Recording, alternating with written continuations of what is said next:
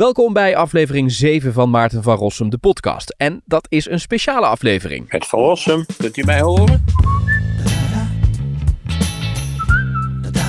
Je gaat luisteren naar een hoorcollege van Maarten over Amerika.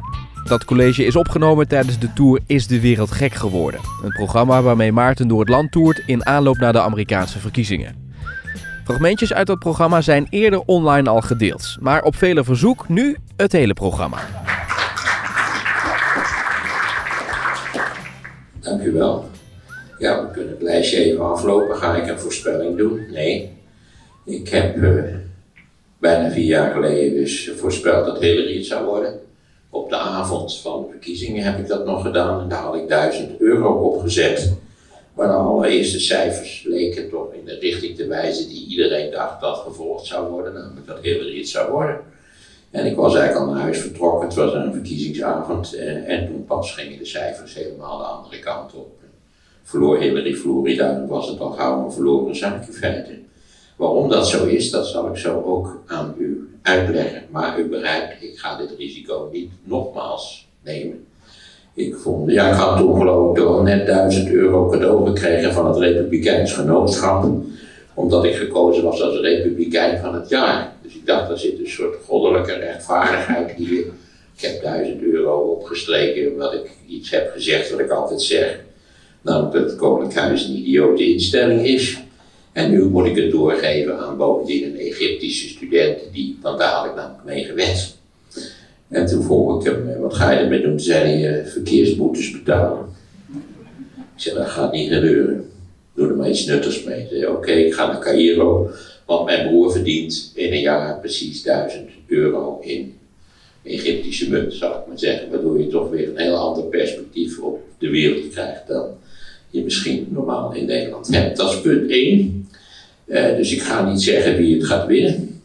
U weet, als de verkiezingen morgen zouden zijn, dan zou Trump dik, dik verliezen.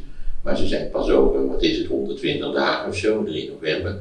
En in 120 dagen kan ontzettend veel gebeuren in de wereld, je weet het maar nooit. Misschien krijgt Trump ook al, misschien ook corona, dan hebben ze medelijden met hem. Uh, hoe staat het er op dit moment voor? Ik geef even de cijfers. Uh, eh, 40% van de Amerikaanse bevolking keurt het gedrag van de zittende president goed. 55% van de zittende bevolking keert, keurt het gedrag van de zittende president af. Dus je zou al zeggen, nou, 15% tussen goedkeur en afkeur, dat, dat, dat, is, dat is zoveel, dat is niet meer in te halen. Maar daar zit nou juist de crux van Amerikaanse verkiezingen. Dat zijn namelijk eh, ongelooflijk ondemocratische verkiezingen. U heeft uw hele leven die kletspraatjes gehoord dat Amerika een superieur democratisch land is. Het is een van de minst democratische democratieën die er op deze wereld zijn. Als Amerika een normaal, fatsoenlijk democratisch systeem erop na zou houden, dan zou Hillary al deze afgelopen jaren president van de Verenigde Staten zijn geweest. En zou een figuur als Trump in feite totaal kansloos zijn geweest. Want Hillary heeft de verkiezingen in 2016 vrij ruim gewonnen. Namelijk met meer dan 3 miljoen stemmen meer dan Donald Trump. En wat wij moeten beantwoorden is de vraag: hoe is het gods mogelijk dat de verliezer van de verkiezingen in feite de winnaar van de verkiezingen is? Dat speelt ook nu weer een belangrijke rol, want het is wel, hoe groot het verschil ook is nu tussen Democraten en Republikeinen. Uh, de Democraten moeten sowieso 6% beter scoren dan de Republikeinen, willen ze een kans maken op het presidentschap. Zo ondemocratisch is het. Zouden ze ons fijne Nederlandse systeem hebben, dan zou dat heel anders zijn. Daarom is het ook zo idioot, dames en heren, dat er in Nederland voortdurend voorstellen worden gedaan om een districtenstelsel te beginnen, een gekozen minister-president. Mocht u er ooit naar gevraagd worden, laat de Heer ons behoeden. Ja, ik ben hier in Limburg, ik denk dat de Heer hier toch dichterbij is dan in Utrecht. Laat de Heer ons behoeden voor, voor al die balnotige hervormingen van het Nederlandse politieke systeem die in de afgelopen halve eeuw zijn voorgesteld. En dat is echt verschrikkelijk, dat dat steeds weer gebeurt dat steeds, je denkt toch, je hoeft alleen maar naar de wereld te kijken om te zien hoe idioot het kan zijn. Ik zal u nog één voorbeeldje geven. U heeft gezien dat Boris Johnson een verpletterende overwinning heeft behaald en nu een enorme onaantastbare middenhuid in het lagerhuis heeft, dat heeft hij gedaan met 40% van de uitgebrachte stemmen. Wat een democratie. Wat een geweldig land dat Engeland. Wat een ruïne. En ja, dat moet je van de Amerikanen zeggen, voor zover je van zo'n groot, zo'n vitaal en zo'n bijzonder land een ruïne kunt maken, hebben ze de afgelopen 30, 40 jaar hun uiterste best gedaan om er een ruïne van te maken. Want als u er vaak geweest bent, dan weet u dat u op allerlei plekken staat dat je denkt, zou er iets fout zijn gegaan? Ben ik in Guatemala? Is er iets, is grondig niet in orde geraakt? Nee, u bent gewoon in de Verenigde Staten, maar daar is niets onderhouden, daar is niets in orde. Daar is het één grote shabby boel. Omdat ze nu eenmaal vinden dat belastingbetaling, dat is diefstal. Althans, dat vindt één van de beide partijen. Hoe is het mogelijk dat iemand eh, kan winnen die eigenlijk dik de verkiezingen heeft verloren? Dat ligt aan in allereerste plaats aan het electorale systeem wat ze erop nagaan. Er is een electoraal college, dat zullen de meesten van u wel weten. En door het electoraal college is er geen sprake van nationale verkiezingen. Er is sprake van 50 verschillende verkiezingen in de 50 verschillende staten. En al die staten die hebben een aantal vertegenwoordigers in het electoraal college. En dat is het aantal leden van het huis plus twee senatoren. Dus ik zou zeggen, Californië heeft, als ik het even uit het hoofd, 54 vertegenwoordigers in het electoraal college. Dan komt dat Californië ongeveer zo groot is als Frankrijk, zelfs misschien ietsje groter. En als zelfstandige economie zou Californië, ik geloof, de zesde of de zevende economie in de wereld zijn. De kans dat Donald Trump Californië wint is dubbel. De kans dat Donald Trump de staat New York wint is ook nul. De kans dat hij Texas wint is vrij groot. Die is wel in de orde van, denk 85% al. Begint Texas in toenemende mate iets te worden waar ik het zo over moet hebben, namelijk een swing state. En door dit wonderlijke systeem zijn eigenlijk de, de dichte, de dunbevolkte staten, die zijn ernstig bevoordeeld. Staat als Wyoming, die heeft één lid van het huis en twee senatoren. Dus een stem in Wyoming is in feite ongeveer viermaal zo zwaar als een stem die uitgebracht wordt in Californië. En er zijn natuurlijk een hele reeks van staten waar nauwelijks iemand woont. Als u er ooit geweest bent en u rijdt met de auto door Montana, dan denkt u, daar kan nog wel een immigrantje bij hier. want dat is, eh, Montana is tienmaal zo groot als Nederland. En heeft, als ik het wel heb, nou ja, ergens tussen de 1 en de 2 miljoen inwoners of zo. Toen ik er doorheen hij had het evenveel inwoners als de stad Utrecht. Ik vond dat wel vermakelijk eigenlijk. Ja, de Amerikanen verklaren je ook gek als je er doorheen gaat rijden. Zijn Amerikanen noemen dat fly-over country. En als je stapt in het vliegtuig, je gaat natuurlijk niet in Montana kijken. Wat is het te zien in zaken. Ik hoopte natuurlijk cowboys te zien. Dat leek me wel wat met lasso's en zo. En het enige wat ik zag waren cowboys en helikopters. Ja, wist u dat je met een helikopter kun je enorme koeiengroepen, kun je die razendsnel bij elkaar drijven. Koeien schrikken ze te takken van die dingen. Ja. Maar echte cowboys, ja die zijn er dus wel, die zitten in helikopters. Dat vond ik dan alweer boeiend natuurlijk. Um, ja, je hebt op heel veel plekken in het gevoel dat de tijd stil heeft gestaan. Dat er eigenlijk sinds 1932 helemaal niets meer gebeurd is. Je moet dan wel van de grote weg af, maar dat kan daar. En dat is wat natuurlijk Michiel zei. Het is een land wat zo enorm groot is dat je als Nederlander daar eigenlijk geen helder besef van hebt. Dat komt dat wij allemaal in ons brein voorgeprogrammeerd zijn op Nederlandse afstand. En dat, ja, dat, daar kun je ook niks aan doen. wat wij vind, ik, ik vind dat ik vandaag al een hele reis gemaakt heb. Ik ben uit Utrecht gekomen en ik ben nu in Zuid-Limburg. Ik zei nog tegen Tom, we zijn halverwege de Middellandse Zee. En dat gevoel had ik eigenlijk al. Ik zei, het is hier veel warmer dan in Utrecht. Hoe kan dat? Ja, Limburg. Nou is Limburg natuurlijk ook een beetje anomalie, laat ik het zo zeggen. Ja, u weet hoe het komt, dat ga ik u niet uitleggen. Het is eigenlijk het product van een veldtocht. Het is eraan blijven hangen, dat is het eigenlijk in grote trekken. Het is een soort merkwaardige klopvoet waarmee de, waarmee de natie uitgerust is. Ja, wat is het effect van die van dat eigenaardige electoraal college is dat als je bijvoorbeeld goed scoort in de rijkere delen van de Verenigde Staten, dan heb je daar niet zoveel aan. Dat, dat Hillary 3 miljoen stemmen meer had, dat kunt u als je even straks uh, opzoekt in de Wikipedia, ziet u dat een groot deel van die miljoenen extra stemmen, die zijn dus behaald in grote, relatief rijke staten, namelijk in New York en in Californië.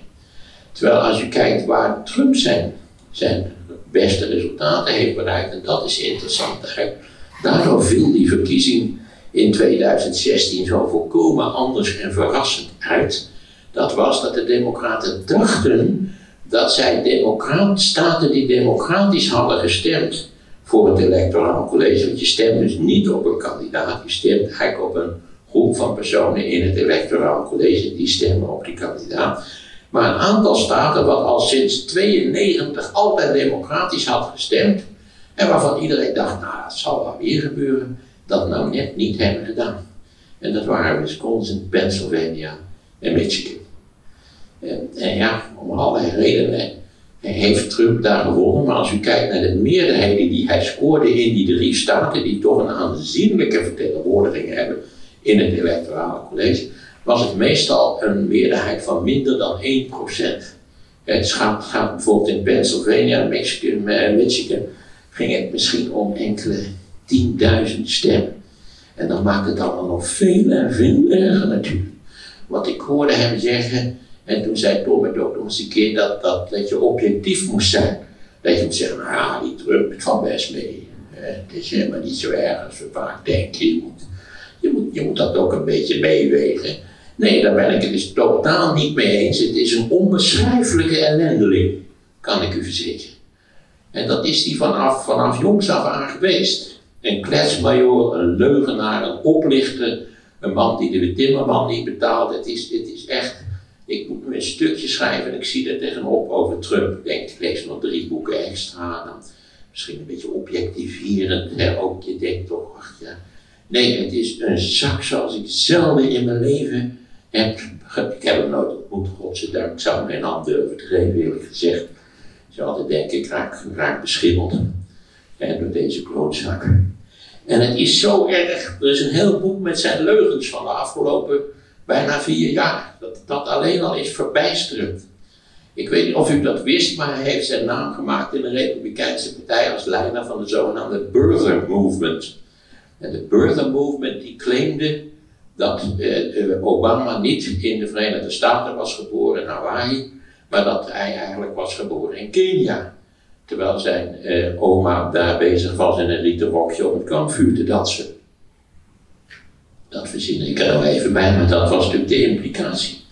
Laten we wel wezen, geen doekjes om willen, dit is puur 100% suggestief racisme en niks anders dan dat. Een zwarte kandidaat kan niks wezen, het is maar geen echte Amerikaan, het is één grote oplichterij. Wist hij dat dat een leugen was? Ja, zeker wist hij dat het een leugen was. Natuurlijk wist hij dat het een leugen was. Maar hij heeft er al die jaren voor gestaan. Hij had nog moeite om in 2016 uiteindelijk onder druk een keer te zeggen dat het misschien wel niet waar was, de Burger Movement. Iemand die dat zegt, iemand die zo'n beweging leidt, die is totaal ongeschikt voor enige overheidsbetrekking van welke aard dan ook. Dat is een afschuwelijke man. Weet u nog, toen hij zijn kandidatuur aankondigde, dat hij van die trap afkwam, die roltrap in de Trump Tower? En wat hij toen zei? dat alle Mexicaanse immigranten aan de drugs waren, dat het allemaal levensgevaarlijke criminelen waren. Gaan ze maar door. Leugens die hij al die jaren volgehouden heeft. Alle immigranten zijn levensgevaarlijk. Wat blijkt uit onderzoek, uit alle onderzoek? Dat alle immigranten, en zeker illegale immigranten, heel weinig in contact komen met de politie of met het gezag. Dat ze iets doen wat niet mag. Waarom? Omdat ze er dan meteen uitgeflikkerd worden. Ze kijken wel link uit om risico's te nemen. Alle onderzoek bewijst dat immigranten, en zeker illegale immigranten, zo'n beetje de veiligste en meest betrouwbare burgers zijn die je hebben kunt. Al die jaren heeft Trump het tegendeel volgehouden. Als u het interessant vindt, er is zo'n dik boek over zijn leugens. Allemaal gefactcheckt. Hij liegt gewoon door, kan, kan niet bommen. Wat heeft hij niet over Obama gezegd? Dat hij illegale hebben afgeluisterd in terugtuin. Dit verhaal kan ik nog wel even doorzetten. Dus het hele idee van objectiviteit. Er bestaat een boek waar ze proberen op een enigszins neutrale toon te behandelen wat hij al zo gedaan heeft in de afgelopen jaar. Dat kan ik u zeggen is schokkend. Het is ronduit schokkend. De totale ingrijpende onkunde. Laatst heeft Bolton ook geen sympathiek type, maar toch en nog weer eens onthuld dat hij geen idee had dat Finland een zelfstandige staat was. Dat is in, in Amerika niet abnormaal. Er zijn weinig landen waar zo weinig mensen iets weten van de buitenwereld als de Verenigde Staten. Eigenlijk zijn de Verenigde Staten een zachter dorp, zo kan het beste. Of althans, wat er tussen de kusten zit. Dat is heel merkwaardig in Amerika. Zodra dat boven de woestijn, zodra de oceaan in de buurt is, is het eigenlijk een vrij normaal, modern, progressief land. En dan rij je als het ware het binnenland in. Je hebt dat overal. Denk je gaat naar Boston, geweldige stad, welvarend, rijk, prachtige musea. Het zou een Europese stad kunnen zijn. Je gaat in de auto zitten, je moet natuurlijk wel een Amerikaanse auto rijden. En je rijdt naar het westen. Dan verandert ook de staat Massachusetts. Zoals u weet, zo'n beetje de meest progressieve staat na Vermont in de Verenigde Staten. Die verandert geleidelijk aan van een democratische staat in een republikeinse staat. En dan wordt het steeds erger en erger en erger. Net zoals in New York, u huurt een auto, u rijdt naar het noorden. En dan krijgt u eerst nog al die suburbs en eh, hoe heet het, waar de Clintons wonen, dat soort van plaatsen. En op een moment ineens stop je bij zo'n benzinepomp. En dan staat er zo'n zo verroeste F-150, zo'n pick-up, zo'n zo Ford pick-up is dat. Moet maar zo'n pret best verkochte auto in de Verenigde Staten sinds mensenheugenis. En daar zit dan zo'n man in, zo'n flinterdunne man zonder tanden. En achter het raampje van de, van de cabin zitten twee van die witsers van die geweren.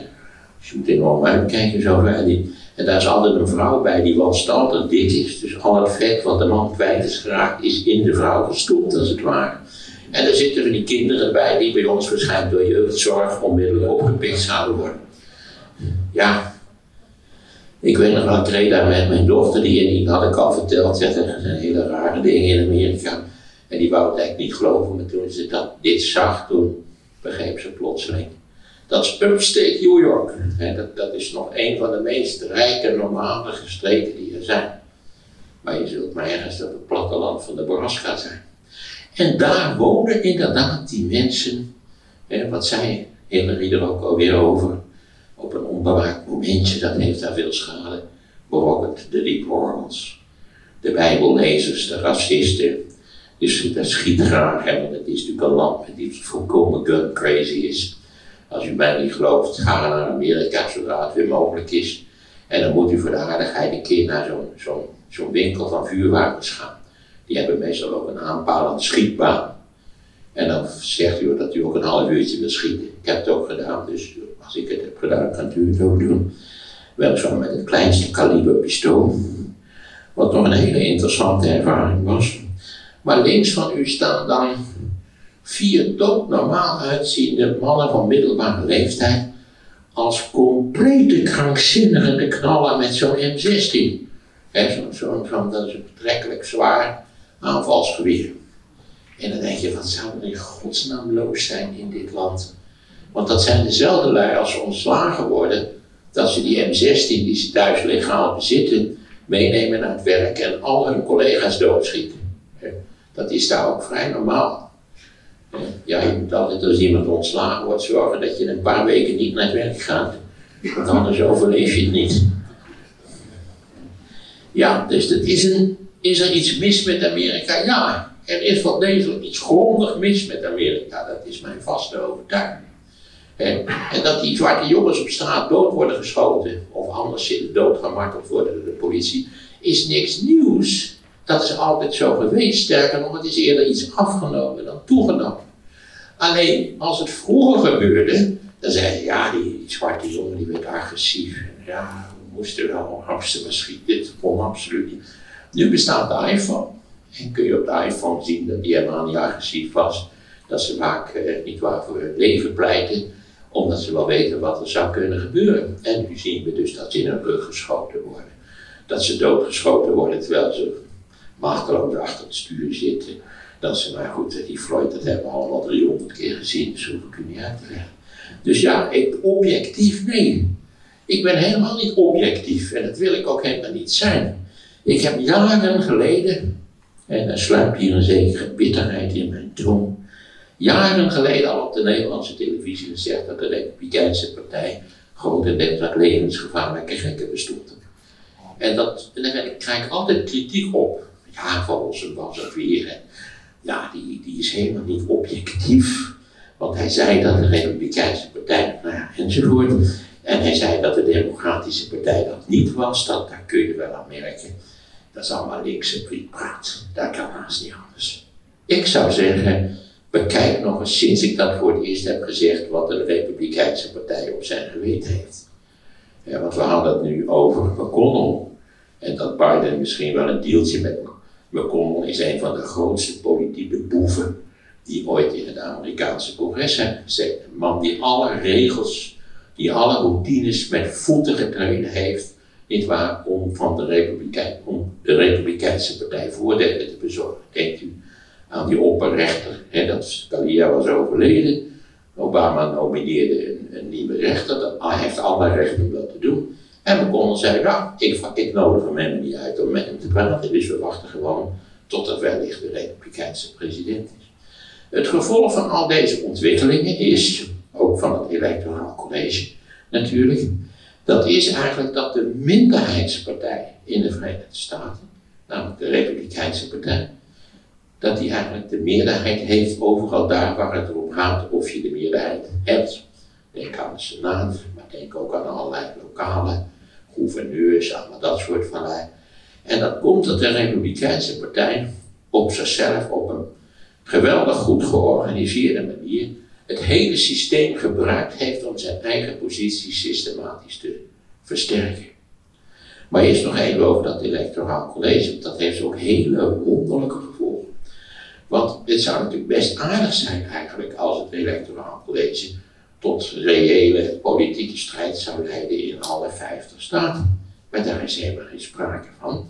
Want er is alleen maar politieke strijd in een aantal staten. Dat zijn er soms 12, soms 14, maar veel meer is het nooit. En dat zijn de zogenaamde swing states, dat zijn staten die in principe een, switch kunnen maken. Van republikeins naar democratisch of van democratisch naar republikeins. Die andere staten, 36 stuks, daar, is, daar zijn helemaal geen verkiezingen. Ik kan me nog herinneren dat ik, ik, ik dat ik oh ja, ik kreeg van Nevada naar Utah. Nevada is tegenwoordig een swing state. Een enorme instroom van Latino's is dat een swing state geworden. Ze schijnt er ook een beetje aan de hand in Texas. En wij reden omhoog die woestijn door, wat ik u allemaal trouwens warm kan aanbevelen. Niet zo mooi als de woestijn, vooral als je er niet hoeft te wonen.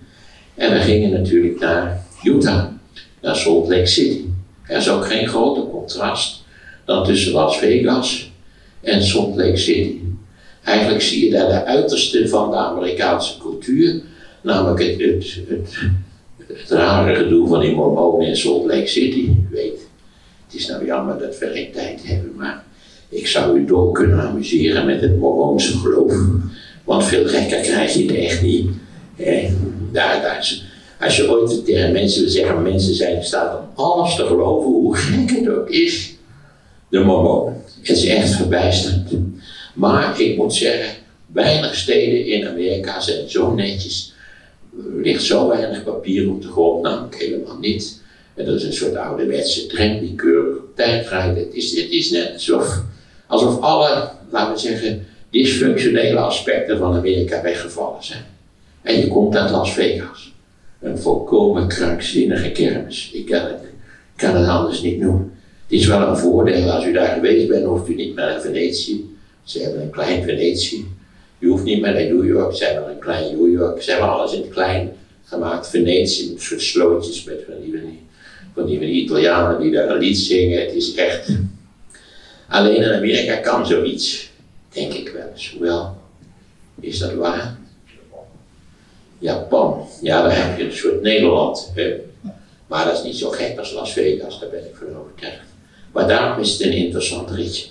Ja, dat is... Maarten, Ja, ik ga je even onderbreken, want eh, we gaan ook eh, naar eh, ik zeg nog een paar dingetjes en dan Ja. zal ik ermee stoppen. Nou, we gaan er vooral nog door, maar dan gaan we ook met de vragen uit de zaal. Er ligt daar ook nog een hele stapel, dus Allereerst is er al het electoraal college. Dat maakt het noodzakelijk om voor de Democraten om beter te scoren dan de Republikeinen, wat er ook aan de hand is. Bovendien hebben de Republikeinen in de afgelopen jaren overal waar dat mogelijk was, in feite die verkiezingsmogelijkheden die ertoe leiden dat er meer Democraten komen stemmen dan Republikeinen, die hebben ze afgesloten. Zwarten bijvoorbeeld stemmen graag lang van tevoren, omdat ze vaak geen tijd hebben om verkiezingsdag ook een stem uit te brengen. Daar is zoveel mogelijk op statelijk niveau een eind gemaakt. U weet, u heeft, de meesten van u hebben bij het uitbrengen van uw stem in Nederland nooit langer dan vijf minuten hoeven te wachten. In Ohio sta je dus een driekwart dag in de rij. Daar door de regering worden broodjes uitgedeeld omdat de mensen anders flauw vallen. Dat is expres zo gedaan. Ja, want alleen sommige, sommige mensen kunnen zich niet permitteren om drie kwart dag in de rij te staan om een stem uit te brengen. En stemmen op zondag, dat hebben ze ook zoveel mogelijk onmogelijk gemaakt. Kortom, ze hebben al die, al die kanalen waar via welke met name de minderheden stemmen, die hebben ze zoveel mogelijk geblokkeerd. Dat maakt allemaal dat de Democraten steeds veel meer stemmen nodig hebben. Ik wil wel iets zeggen over 3 november. Als de opkomst voor de Democraten om wat voor reden dan ook niet maximaal is, zoals bij de tussentijdsverkiezingen van, wat was het, 2018, dan verliezen ze nog eens een keer. Het moet echt, ze moeten echt allemaal komen. En daar is wel een kansje niet waar door het optreden van Trump, juist ook van de laatste weken, en waarbij hij het nog weer zo ongelooflijk bruin gebakken heeft, dat je denkt, hoe is het gods mogelijk? In plaats van te zoeken naar eenheid en compromis en zo. Niet waar hij mikt puur en alleen op zijn eigen electorale achterban. Eh, heb, ik, heb ik gevoelens positief voor die achterban, want dat vind ik wat zielig. Hè? Dat zijn al die arme blanken die, die hun werk verloren hebben. Dan nog, als je op Trump stemt, dan deug je niet. Kijk, dat is een, eh, dat is een mooi verhaal over eh, Trump. We hebben in ieder geval eh, die persoon goed belicht. Vind je het fijn om te gaan zitten? Ja? Ehm, dan wil ik toch nog eventjes, voordat we met de vragen beginnen, Maarten. ik, zal, ik zal je drankje pakken. Of je mag het zelf pakken. Voordat we beginnen met, met de vragen, en ik nodig u ook graag uit om die vragen te stellen, toch nog eventjes naar deze meneer. Want ehm, ja, daar hebben we nog niks over gehoord. Joe Biden, die Ja. heeft een, een, een stuk deze week over hem. Lang gediend, hè? de man behoeft geen introductie, lang gediend onder Obama, heeft wat dat betreft ervaring, maar is ook geplaagd door wat, eh, nou ja, wat, wat schandalen de laatste tijd. Ehm, eh, de kritiek die hij ook wel eens krijgt is, hij is wat oud, kan hij het nog wel? Trump is ook eh, rond dezelfde leeftijd, maar oogt energiek. Deze meneer is wat ouder, komt misschien ook wat traag over. Wel eventjes in een paar zinnen, hoe beoordeel je deze meneer? Als een zieke giraf wordt gekandideerd door de Democratische Partij, dan vind ik nog dat je op die zieke giraf moet stemmen. Oké, Ben Joe Biden is een zieke giraf. bewonderaar van Joe Biden nou in de verste verte niet. Het is toch ook een, ja, hij is twee jaar ouder dan ik. Het is duidelijk dat zijn hersenpan minder goed functioneert dan de mijne. Eh, het is een man van zeer, zeer beperkte mogelijkheden, zeker nu. Het is doodzonde dat de Democratische Partij geen, niks beters heeft weten te verzinnen, niet waar, dan een, nou ja, dan een man die zelfs bij Omroep Max niet sterk zou scoren. Eh, Nee, ik vind het hoogst ongelukkig, maar bij Trump is alles beter. Alles is beter. Is hij in staat om die, die maximale, eh, het electoraat maximaal aan te boren? Als Trump zo door blijft gaan, dan moet het, moet het in principe mogelijk zijn. Oké, oké. Nou, oké. Het, het verschil is nu 15%. Hij is 10% populairder dan en Trump. En in alle, in die staten waar ik het over had, Wisconsin, Michigan en Pennsylvania, ligt hij toch zeker minimaal 7,5 en maximaal 10% voor. Oké, dat kan nog ja, ik, ga niet, ik ga niet Nee, zeggen dat gaat Trump niet. gaat verliezen. Geen voorspellingen, dat, dat heb je duidelijk aangegeven. Ik wil even aan u vragen. Hey, zijn er vragen, want Maarten heeft natuurlijk veel verteld. Zijn er vragen vanuit de zaal? Ehm, eh, steek uw hand eventjes op. De eerste vraag is natuurlijk altijd spannend. Ehm, ik heb in ieder geval wel een eh, vraag binnengekregen van Ron, Ron Verhoeven. Waar zit Ron? Mag ik eventjes hand zien? Zit hier vooraan. vind het leuk, ik kan hem voorlezen rondom, maar ik denk dat het leuk is om hem zelf eventjes toe te lichten. En dan mag Maarten hem uh, beantwoorden. Wat was jouw vraag naar aanleiding van onder andere het verhaal van Van Rossum? Ik mag hem zelf voorlezen, want ik heb een bril niet bij. Dus... Oh, je hebt je bril niet bij je? Oké, nou ik zal je een klein beetje op weg helpen. Wat zijn de drijvende krachten? Je hebt meerdere zaken heb je gesteld. Het gaat onder andere ook over Obamacare. Laten we er eventjes één uithalen. Um, misschien is dit wel de belangrijkste. Wat heeft een herverkiezing met nog vier jaar Trump voor mogelijke consequenties in de wereld? Wil je daar nog iets bij toelichten? Van waar deze vraag? Uh, het is meer de angst dan uh, wat hij in het verleden heeft gedaan. Dat hebben we nu gezien. En de vraag is, als dit nog een uh, periode aanhoudt, hoeveel schade dat hij in de, in de wereld aanbrengt. In coalities en bondgenootschappen. Of dat überhaupt nog wel te repareren valt als er nog een termijn aankomt. Duidelijke vraag, Maarten. Uh, dat heeft meerdere kanten. Ten eerste is het feit dat hij natuurlijk een waardeloze president voor de binnenlandse politiek is geweest. Eh, omdat hij eigenlijk vindt, eh, hij is eigenlijk helemaal geen president. Hij, hij kijkt, een groot deel van de dag kijkt hij naar zichzelf op de televisie en daar is hij dan wel of niet tevreden mee. En dan gaat hij tweeten dat hij, als, als een kritisch behandelen, gaat hij verschrikkelijke tweets versturen. Maar er is eigenlijk nauwelijks serieus beleid geweest. Dat is een van de grote problemen. Op heel veel departementen in Washington zijn er nog steeds, terwijl hij al bijna vier jaar bezig is, zijn nog steeds niet de, noodzakelijke ambtelijke benoemingen gedaan. Er zijn nog honderden posten die eigenlijk niet opgevuld zijn. En dan kun je natuurlijk zeggen van ja, die ambtenaren heeft toch niks aan, maar dat heeft verstrekkende gevolgen voor de beleidsvoering. Bovendien heeft hij op tal van departementen, uh, departementen mensen benoemd die in principe wensen hebben en ideologieën hebben die strijdig zijn met het hele beleid van dat departement. Dus ook de, hele Washingtonse overheid is in toenemende mate krakkemikkig en dysfunctioneel geworden. Nog vier jaar zou, zou die toestand aanzienlijk ernstiger maken. Nogmaals, hij is geen president. Een president is iemand die leiding geeft, die, die in principe eh, nieuwe maatregelen neemt, nieuwe wetgeving produceert, eh, adequaat reageert op veranderingen in de wereld. En daarvan is eigenlijk nauwelijks of niet sprake geweest. Hij heeft natuurlijk één grote wettelijke triomf behaald, lijkt het. Dat is die wet eh, over de belastingverlaging, maar die lag klaar. Dat was een republikeinse wet die klaar lag en hij heeft ervoor gezorgd dat die getekend is. Een niet-republikeinse president had die wet nooit getekend. Ook een wet van ingrijpende sociaal-economische onrechtvaardigheid. Vooral belastingverlaging voor grote bedrijven en voor mensen met ontzettend veel geld. Maar dat is de binnenlandse politiek. Dat is de binnenlandse politiek. Maar kijk ook eens naar de globale. Nu komen we aan de buitenlandse politiek. En nou, iedereen weet, hij is een handelsoorlog met China begonnen. Dat heeft helemaal geen reet opgeleverd, 0,0. Schade in feite voor beide partijen.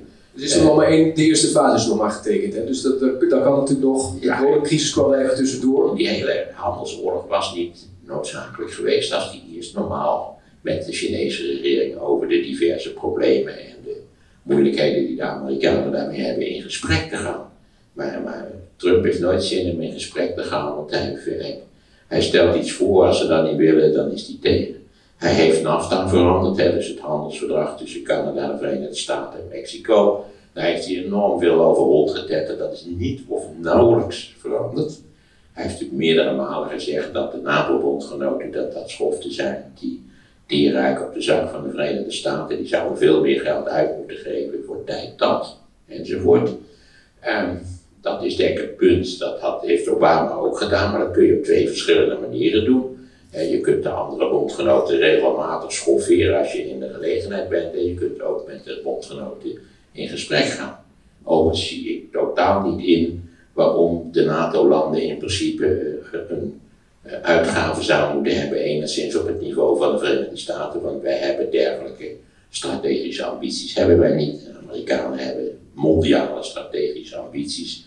En wij hebben in Europa eigenlijk nauwelijks strategische ambities. Waar was de NATO voor? Niet waar om de, om Sovjet-Unie in te dammen. Nou, die is vrij significant ingedamd. De strategische grens van de Sovjet-Unie is 1500 kilometer naar het oosten verschoven. Ja, maar, redeneer eens door bijvoorbeeld, hè, als dit beleid van Donald Trump uh, globaal gezien, als dat nog vier jaar doorgaat, wat zou dat dan bijvoorbeeld ook misschien ook interessant, hè, wat Michiel net zegt, wat zou dat voor ons betekenen als Euro uh, Europa zijnde? Niet zo verschrikkelijk veel. Ze hebben ons evenveel nodig als wij de Verenigde Staten nodig hebben. Heel veel. Nederland is een land wat relatief eh, omvangrijke handelscontacten met de Verenigde Staten onderhoudt, maar dat geldt laat niet voor alle EU-landen. De EU is een grotere markt dan de Verenigde Staten en het is niet, wij kunnen, zoals Merkel zei toen, toen, toen zij weer geschoffeerd was in NATO-verband, zei ja we zullen het nu verder zelf op moeten knappen. Merkel is ook eens een vrij goed voorbeeld van iemand die wel leiding kan geven en adequate leiding kan geven. Kijk hoe ze gereageerd heeft op de coronacrisis. Ook beter dan Mark Rutte. Namelijk vier weken eerder dan Mark Rutte, met als gevolg dat de situatie in Duitsland nog steeds gunstiger is dan die in Nederland geweest is. We zijn nu wel terug op een normaal punt. Ik wil maar zeggen, je kunt heel goed leiding geven. Maar dan moet je wel je verstand gebruiken. En ook dat verstand moet je wel hebben. Oké, hij heeft natuurlijk wel mensen om zich heen. Hè? Mike Pence bijvoorbeeld, dat is de man die je vaak in beeld ziet. Hoe taxeer je hem? Want er wordt wel eens gezegd, dat is de man die achter de schermen... Trump is degene met het image, met de grote mond, die trekt de aandacht. En Mike Pence, dat is degene die moet het eigenlijk achter de schermen, ook politiek gezien, recht trekken. Als een suf komt. Nou, druilen eerste klas, een waardeloze figuur. De gouverneur van niks. Hij houdt het wel vol, dat is Hij heeft al van veel mensen afgezet. Ja, dat geeft al aan wat een waardeloze figuur dat is. Oké, okay, daar heb je weinig vertrouwen in. 0,0. Oké. Okay. 0,0. Mike Pence is de vertegenwoordiger van het beroerdste wat je kunt vinden in het Amerikaanse politieke bestel. Een extreem gelovige. En die was ook weer, hij wil niet in één ruimte zijn met andere vrouwen als zijn eigen vrouw er niet bij is. Kortom, een psychiatrisch geval. Oké, Ik wil nog één aantekening maken die misschien toch vrij revolutionair klinkt uit mijn mond. En dat is dat ik tot op de dag van vandaag Trump minder erg vind dan de jonge Bush. Okay. Trump heeft één ding niet gedaan, namelijk een oorlog beginnen. En dat heeft de jonge Bush, zoals we alle weten, wel gedaan. Een volkomen verkeerde, onjuiste en leugenachtige reactie op 9-11, namelijk de bezetting van Irak. Met verstrekkende negatieve gevolgen, honderdduizenden doden, uitzichtloze situatie in Afghanistan en in Irak. Dat heeft Trump niet gedaan. Dus in die zin beoordeel ik de jonge Bush nog steeds als een slechtere president dan Trump. Ja. Trump is zo'n waardeloze president dat hij eigenlijk hij heeft een reeks van ongelukken veroorzaakt die allemaal tot dysfunctionaliteit leiden. Maar hij heeft geen heel groot ongeluk veroorzaakt. Nee. Er wordt wel eens gezegd, of werd eigenlijk gezegd voordat hij president werd, het is een man, en als je kijkt naar wat hij heeft opgebouwd als ondernemer, en zijn carrière voor het presidentschap, er zijn ondernemers die, uh, ja, die vinden dat indrukwekkend, wat hij heeft neergezet. Dat is dus helemaal niet zo. Nou oké, maar de vraag is een beetje, uh, leiding geven, dat kan hij niet. Dat hebben we in ieder geval, dat heb jij uh, duidelijk aangegeven. Maar van tevoren werd ook gezegd, het is wel iemand die weet hoe je een deal moet sluiten. En dat kan in de politiek misschien wel eens verfrissend werken. Hoe kijk je daarop terug? Ja, hij is helemaal geen succesvolle ondernemer. En de New Times heeft dat allemaal eindeloos berekend. En hij zegt altijd, ik heb van mijn vader maar een miljoentje gekregen. Moet eens kijken, ik heb een miljardenvermogen opgebouwd. Maar uit alle berekeningen blijkt dat hij minimaal 400 miljoen dollar van zijn vader heeft geërfd. Waarbij de New York Times had uitgerekend wat zou er zijn gebeurd als je die 400 miljoen dollar gewoon op het moment dat hij het erfde, dus, in de jaren, late jaren 70, zou hebben belegd aan Wall Street, dan had je nu meer geld dan Donald Trump nu heeft. Donald Trump zegt altijd dat hij geloof 6 miljard heeft, maar volgens, volgens alle deskundigen is dat absoluut niet waar. Maar blij zijn als het twee zijn. Eh, dat, dat is ook meer dan ik heb, dat geef ik toe. Maar ik heb ook niet, het, hij is drie keer failliet gegaan. Maar weet je natuurlijk in Amerika dat eigenaardige via faillissementsconstructies hebt, is dat vaak een heel voordelige zaak om even failliet te gaan. Bij een tijdje van je schuldeisers af kun je de boel reorganiseren. Je kunt ophouden met je timmerlieden te betalen, want dat is een lange, lange voorgeschiedenis dat die nooit iemand betaald heeft wat ze regelmatig, wat ze werkelijk toekwam. Dus ook op dit punt is het, is het show. Hij is een showman. Ja. Maar dat doet hij wel erg goed, want hij weet daar wel een groot publiek in ieder geval mee te mobiliseren. Eh, dat heeft twee kanten. Namelijk, ten eerste is hij erin geslaagd om een deel van de blanke onderklasse te mobiliseren. En dat heeft hij gedaan, laten we eerlijk zijn, door, door het racistische element in zijn verkiezingscampagne te brengen.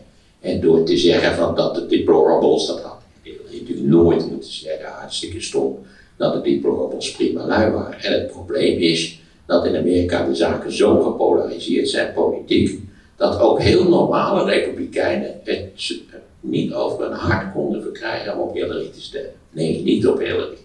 Het is nog steeds mijn vaste overtuiging. Als Hillary een man was geweest, was ze moeiteloos president van de Verenigde Staten geworden. Maar dat ze de vrouw van was, dat, dat was niet verstandig gewoon. Ik ben er erg voor dat een vrouw president van de Verenigde Staten wordt, maar niet de vrouw van. Hoe dan ook, dat was verkeerd. Helder. Eh, vraag uit de zaal. Eh, ik zag daar een hand. Uh, steek even uw hand op als u een vraag heeft. Ik zag hier in ieder geval iemand die iets wilde vragen. Heb ik dat goed gezien? Nee? Ik zag een hand op. Ja? Oh zo, nee, dat gaan we zeker doen. We, misschien dat we af en toe een beetje in het, in het verhaal... Nou, Dus- laat ik het anders formuleren. Wie ik zie daar achter een... Is dat een hand, meneer? Nee? Wie van u vindt Trump toch wel eigenlijk een vrij sympathieke baas? Eh, Kijk, ik heb, Durven dat niet meer aan te geven, Regelmatig heb ik mensen ontmoet, ja, ja, maar toch. En, eh, de beurs stond hartstikke hoog en zo. Ja, dat is nu allemaal door corona natuurlijk veranderd, maar toch. eh, hij heeft er toch best leuk van afgebracht. Ja? Harry? Ja, ik heb een vraagje. De kans van een onafhankelijke kandidaat, er is nog een of andere DJ, heeft zich opgeroepen eh, om Ja. eh, gekozen te worden. Is dat iets wat in Amerika denkbaar is? Dat, dat een onafhankelijke, dat, het is nu kiezen uit twee kwaden, hè? Het, is, het is al twee niks eigenlijk. Eh, hoe, hoe kun je daar een, een andere rol in krijgen? Nou, die kans is ontzettend klein. Omdat je, het zijn twee partijen die toch een terrein in hoge mate beheersen. Die kans dat je daar de derde kandidaat, er is meest- meestal als u het een beetje gevolgd heeft, zijn er hele massa's derde kandidaten die allemaal 1% of 0,1% of wat dan ook krijgen.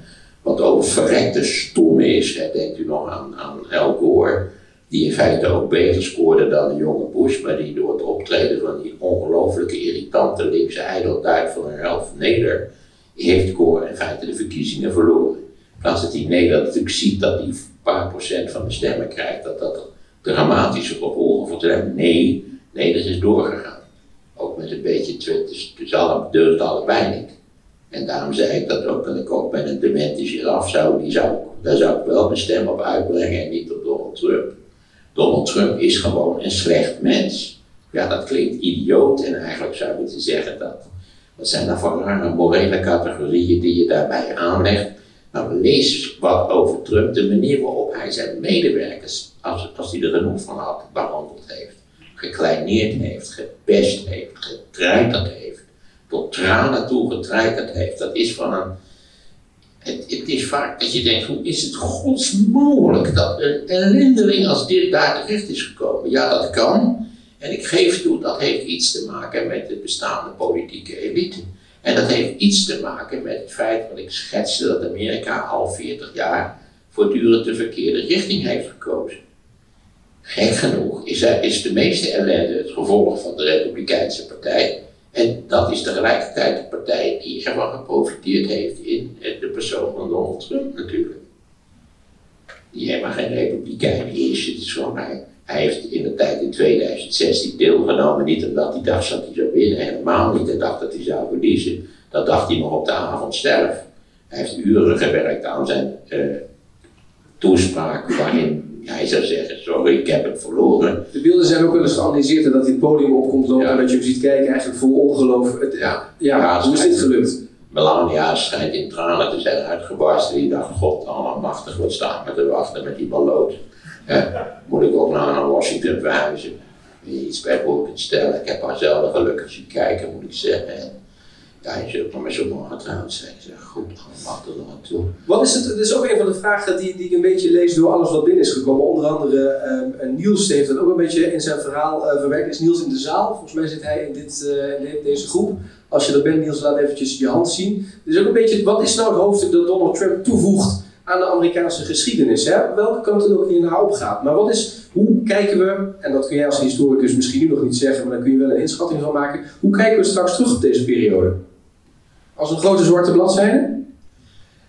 Dat denk ik ja. Ik denk dat die demonstreert wat in Amerika in principe mogelijk is in, in de negatieve zin.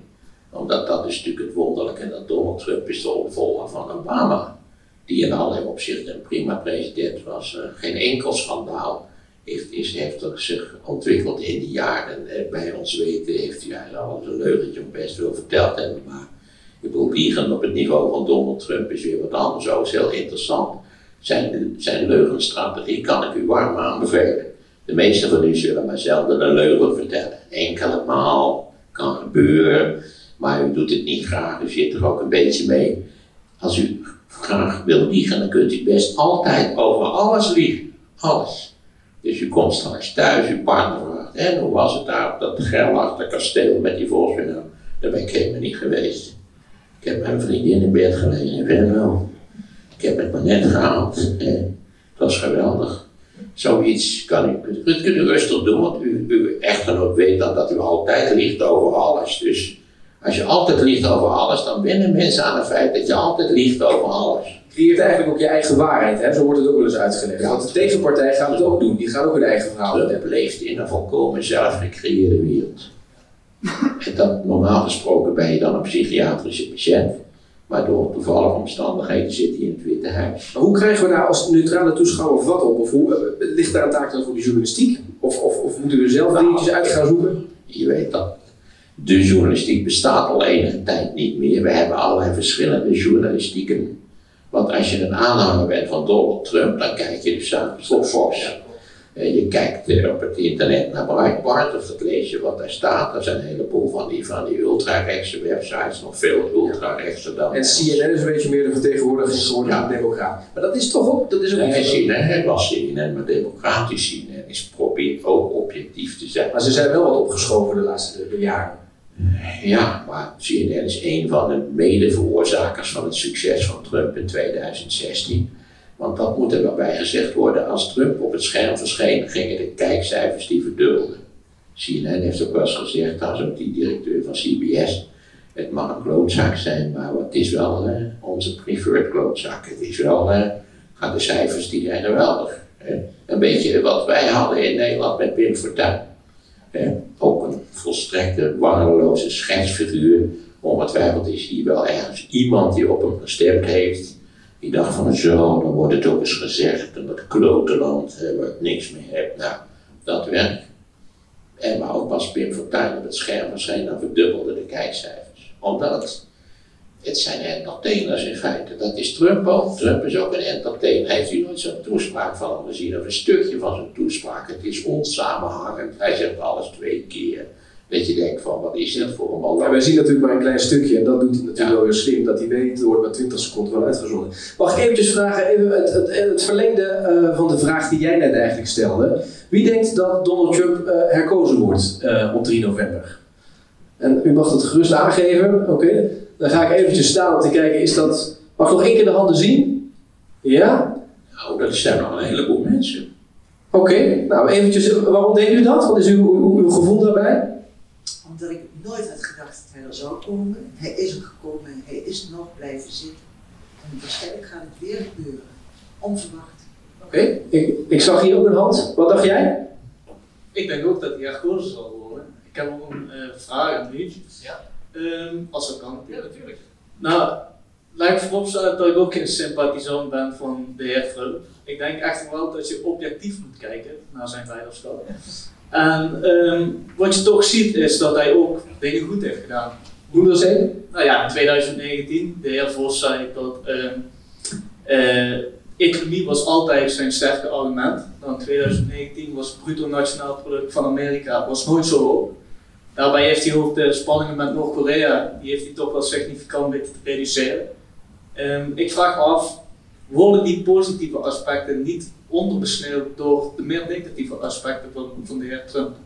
Ik denk wel dat ik het antwoord van jou weet, Maarten, maar ik probeer er toch, een, Ja, ja. probeer er toch eens antwoord op te geven. Goeie vraag, dankjewel. Ten eerste is de invloed van een president op, eh, laten we zeggen, het macro-economische ontwikkeling van de Verenigde Staten zeer beperkt.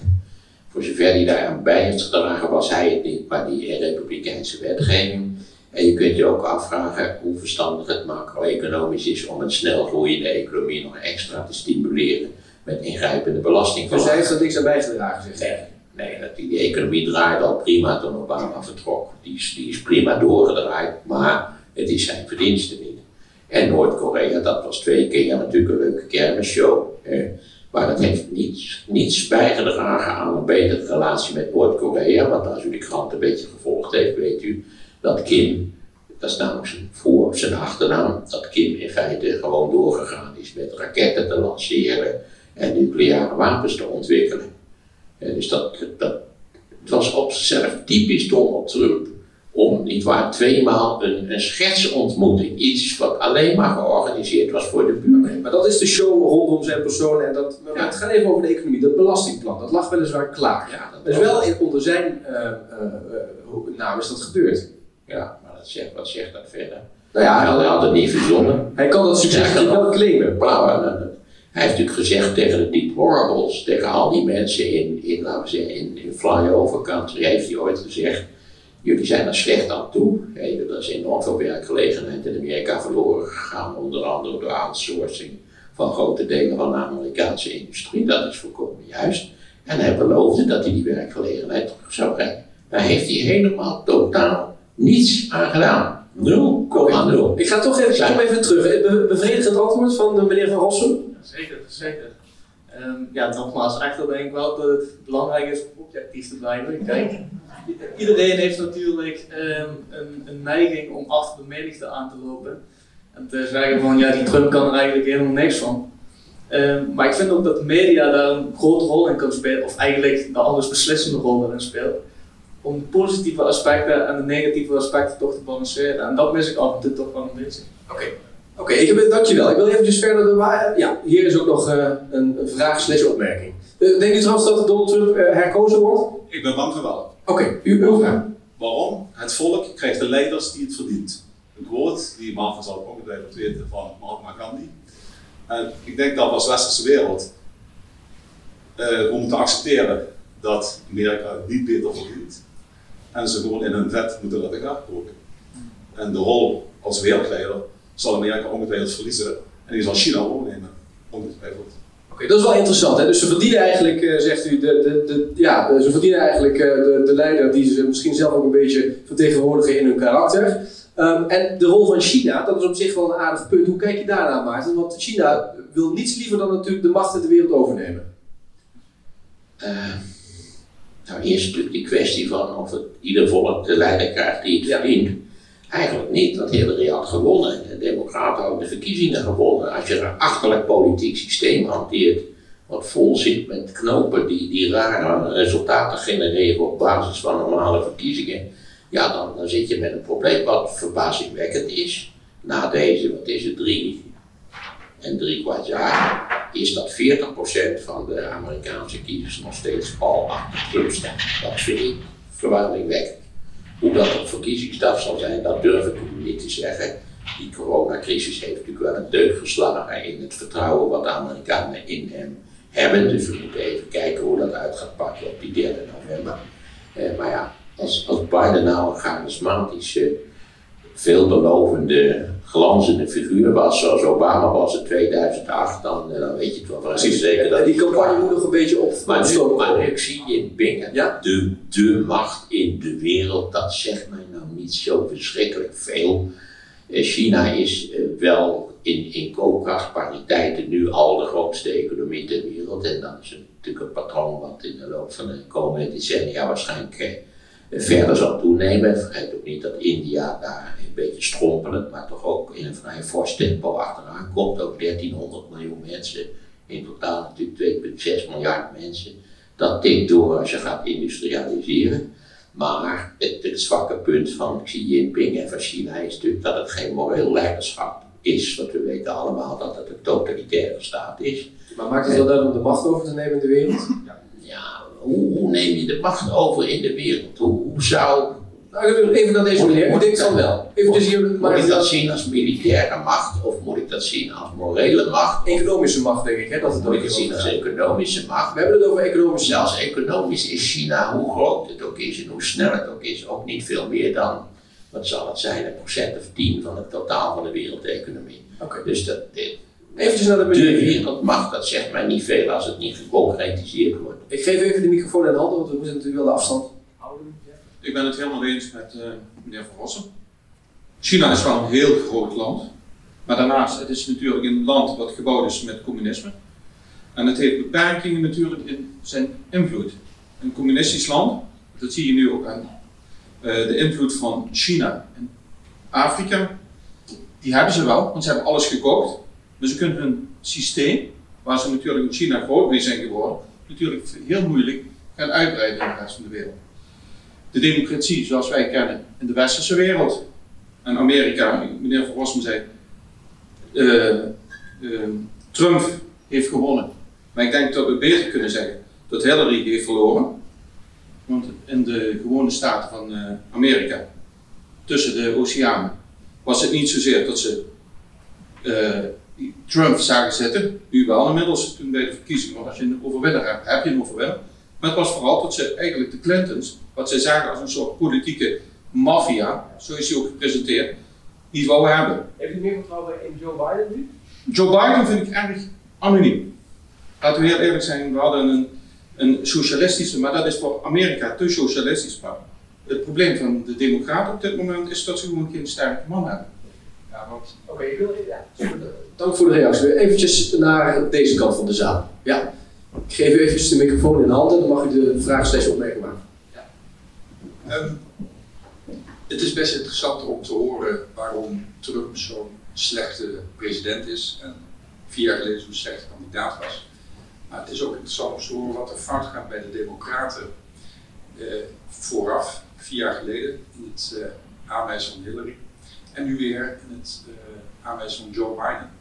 Als Trump zo slecht is, hoe ben je dan in staat niet fatsoenlijke oppositie te voeren en daarna de verkiezingen te doen? Maar dat is een hele grote vraag, maar probeer hem beknopt te beantwoorden. Want dan kunnen we misschien nog wel. Ja, ik kom terug op het punt Hillary de verkiezingen heel gewoon gewonnen heeft en vrij ruim gewonnen heeft. Maar ja, dat het systeem zo raar aan elkaar zit dat ze de verkiezingen dus verloren heeft. Maar meneer heeft wel het punt natuurlijk, hè, hoe kun je nu hè, met, met zo ontzettend veel kandidaten uiteindelijk bij Joe Biden uitkomen? Ja, dat komt omdat de sterke kandidaten, dat was Elizabeth Warren, dat was Sanders en dat uh, Biden heeft lange tijd wist iedereen zeker dat Biden volstrekt kansloos was. Maar tegelijkertijd, zowel bij Sanders als bij Warren, hele goede kandidaten. En zeker bij Warren met werkelijk een voortreffelijke politieke agenda waar diep over na was gedacht. Waar niets aan mankeerde. Amerika moet grondig in de stijgers. Daar is elk verstandig mensen het over eens. Maar je weet ook dat, dat mevrouw Warren in Amerika volstrekt onverkiesbaar is. Namelijk en een vrouw. Hallo, en, en aan, aan de linkse kant. Nou, die combinatie, dat kun je dus rustig vergeten. Sanders ook natuurlijk, die dan nog twee jaar ouder dan, dan Biden. Het is een godswonder dat die man nog op de been is. Hij kreeg een hartverlamming tijdens de campagne. Tot mijn stomme verwondering stond hij er drie dagen later, stond hij er weer. Is wel een doorzettertje, maar ja, veel te links. Even dus een reactie hier. Maar als de sense of urgency zo groot is, met Trump aan de macht, zoals dat vier jaar geleden al voorspeld is en nu weer ook door jou herhaald wat van ramp is, dan zou je toch als tegenmacht in staat moeten zijn om dat proces uh, wat beter te organiseren. Dan staat er toch te veel op het spel om op deze manier te laten eindigen met Joe Biden als kandidaat. Ja, Joe Biden was toch de, laten we zeggen, de compromiskandidaat, de man in het midden, de man die, die laten we zeggen, niet bekend staat als verschrikkelijk links. Uh, iemand die uh, zijn hele leven in dat systeem had meegedraaid. En Joe Biden, en dat is ook de reden, dat vergeet niet dat er hier is een heel proces van voorverkiezingen aan vooraf gegaan. En dat de, de, kiezers in de voorverkiezingen simpelweg geredeneerd hebben, hij heeft een kans om Trump te verslaan. Je kunt Warren wel benoemen tot kandidaat, maar dan weet je zeker dat je weer verliest. En dat is het probleem van Amerika, dat de mensen met serieuze plannen voor hervormingen, niet waar, daarvan weet je vrijwel zeker dat ze zullen verliezen. Nog afgezien van het feit dat we helemaal niet zeker weten, het huis zal wel in democratische handen blijven, daar ben ik wel vrij sterk van overtuigd. Maar of de Senaat in, republiek, in democratische handen zal raken, is iffy, om het, maar, om het maar zo te zeggen. En dat betekent dat de Republikeinen, wie het ook wordt, ook als een democratische kandidaat gekozen wordt, alle instrumenten in handen hebben om net te doen wat ze bij Obama hebben gedaan. Dat is helder, maar. Om de zaak systematisch te saboteren. Oké, hier is nog een vraagje voor Ja, eigenlijk hoor ik alleen maar respect voor Trump. Als je zo'n dramatisch kandidaat bent en je weet te overleven, zoals hij dat doet, is ontzettend knap. Dus zoals jij hier al 50 minuten aan het vertellen bent hoe slecht hij eigenlijk wel niet is. En ik verbaas me inderdaad hoe zo'n vent overeind kan blijven. Nou, dat is ook eigenlijk alleen maar ontzettend knap. Aan als je retorisch werkt op de, op de basale vooroordelen van je kiezers, hoe effectief dat kan zijn. Ik wil nou verder geen Nederlandse voorbeelden geven, maar wij hebben ook politici die de meest krankjorige ideeën uitkramen en die toch relatief succesvol zijn. Godzijdank hebben wij niet zo'n achterlijk systeem als het Amerikaanse, maar anders, als wij een systeem hadden gehad als het Amerikaanse, sluit ik niet uit dat een charlatan als Pim Fortuyn dat die minister-president zou kunnen worden. Dat sluit ik niet uit. Oké. Eh, zijn er nog wat? We zijn een beetje. Ja, hier is nog een, een, laatste vraag, want het is inmiddels kwart over zeven. Een laatste slotwoord voor u. Ja, Maarten, je bent uh, geschiedenisprofessor. In hoeverre is dit terug te voeren op de strijd die een paar honderd jaar geleden voerde tussen de Confederates en de, en de Noordelingen en al die Black Lives Matters die nu weer naar boven komen? Nou, eh, daar, daar zit wel wat in in uw vraag. Ik ben trouwens geen professor, dat, dat irriteert me altijd lichtelijk. Jij denkt als fijne professor. Straal misschien uit? Dat zal wel zijn. Het hoogleraarschap, dat is een heel eigenaardige functie, want als je gepensioneerd wordt als hoogleraar, dan, dan ga je met emeritaat, zoals dat zo deftig heet. En in dat, dat duurt in principe wat betreft de, regels ongeveer vijf jaar. Na vijf jaar verlies je alle rechten en plichten aan het ambt verbonden en is het ook onzin om in feite de naam van het ambt te blijven voeren. Ja, stel voor dat je buschauffeur bent, dat is een beetje gek. Als je daar dan nog 20 jaar in het, in verzorgingstehuis bekend staat als de buschauffeur. Hè. Wil de buschauffeur nog een kop thee? Nou, graag. Maar probeer even de, de vraag van, dat was een goede vraag op zich, de vraag te beantwoorden. Uh, ja. Weet je het nog? Jazeker. Wat ik altijd zeg als, als metafoor, is dat de Amerikaanse Republiek geboren is als een beeldschone prinses met ongekende mogelijkheden en die deels ook gerealiseerd heeft, maar dat zij, en dat vergeten we wel eens, een geboortegebrek had. Een zeer ernstig geboortegebrek. En dat was de slavernij. En aan die slavernij is natuurlijk een eind gemaakt in de burgeroorlog en door Lincoln. Lees het Gettysburg Adres. Als je naar het Lincoln Memorial gaat, ga sowieso kijken daar. Het is heel indrukwekkend in principe de meest aantrekkelijke aspecten van de Verenigde Staten, de bol. Uh, maar nadat die slaven bevrijd waren, nadat er zelfs een, een grondwetsartikel aan toegevoegd was, een amendement waarin dat ook gestipuleerd werd, zijn de zwarten in de zuidelijke staten van de Verenigde Staten, waar ze woonden vanwege die katoen, want dat was de reden dat ze daar waren, niet waar systematisch en gewelddadig onderdrukt. En u kent allemaal de verhalen over de lynchings en over de extreme gewelddadigheid. Ik heb ook wel eens gezegd, en ik heb dat ooit ergens gelezen, ik vond het enorm aansprekend, als je de Confederate States, waar ze ook altijd nog steeds zo graag die klote vlag laten zien van de Confederate States, eh, als je die met een figuurzaag los zou kunnen zagen van de rest van de Verenigde Staten, en je zou zeggen, weet je wat we doen, die geven we cadeau aan Mexico. Het is ook een gewelddadig land, dus die kunnen er een stukje gewelddadigheid bij krijgen. En dan hou je dus, laten we zeggen, het noordoosten, het noorden en het westen over. Dan heb je eigenlijk een vrij normaal land. Dus als je daar naar de statistiek kijkt, al, al die typisch dysfunctionele aspecten van de Amerikaanse samenleving worden voor een belangrijk gedeelte gegenereerd door de zuidelijke staten en de mentaliteit van de zuidelijke staten. En deels zijn de zwarten natuurlijk naar het noorden getrokken, naar de werkgelegenheid. Daar heeft dat, ook dat racisme ook, ook dat is ook daar endemisch. En dat is, nou, dat is een, een, een mega probleem. Het is 13% van de bevolking die een lange geschiedenis heeft van gewelddadige onderdrukking. En wat betreft de politie, dat kunnen we heel kort samenvatten, voor heel veel zwarten en Latino's, andere minderheden, is de politie niet een beschermende macht, wat de politie zou moeten zijn, maar is de politie een zwaar bewapende bezettingsmacht. Zo kun je het verreweg het beste zien. Lees dat enorm leuke boekje van, weet die jonge Amerikanen lopen niet, wandelen niet. Uh, Oké. Okay. Dat, dat, dat, die legt dat keurig uit hoe dat in de stad als St. Louis is. U bent toch ook wel eens in een Amerikaanse achterbuurt geweest? Ik, ik heb nog eens als Amerikaanse Amerikanen bezoek gehad, die zei, is er in Utrecht geen achterbuurt? Zeker Kanaleiland. Toen zei ik, precies, ik zei, ik weet wel een achterbuurt, daar gaan we vanavond even heen rijden. En dan zei ze, ja, ja, dat is geen achterbuurt, het is helemaal geen, dat ziet er lekker uit. Het is gewoon opgeruimd, het gras groeit er nog en geen geschoten en zo. Dus nee, daar waren ze helemaal niet van overtuigd. Okay. Maar als je in Amerika verdwaalt in een achterbuurt, dan moet je al, iedereen zal, is dat die nooit overkomen, dat je denkt van, Ik heb er een van Weet je wat de Bronx in New York is? De verkeerde afslag genomen. Ja, de Bronx. Ja. Goed, is daar sprake van snelle gentrification, maar We gaan het hierbij laten voor u, eh Maarten. Maarten van Rossum met zijn hoorcollege over Amerika. Er is overigens ook een vraag binnengekomen in de reacties van Paul. Die vraagt waarom vindt Maarten van Rossum Johnson de beste president van Amerika? Nou, in de volgende podcast gaat Maarten van Rossum in op die vraag en ook de andere vragen die binnen zijn gekomen. Mocht je nog een vraag of een opmerking hebben, laat het dan achter in de comments op deze podcast. Of zoek deze podcast op op het YouTube-kanaal Is de Wereld Gek Geworden en daar kun je ook reageren. Tot de volgende keer.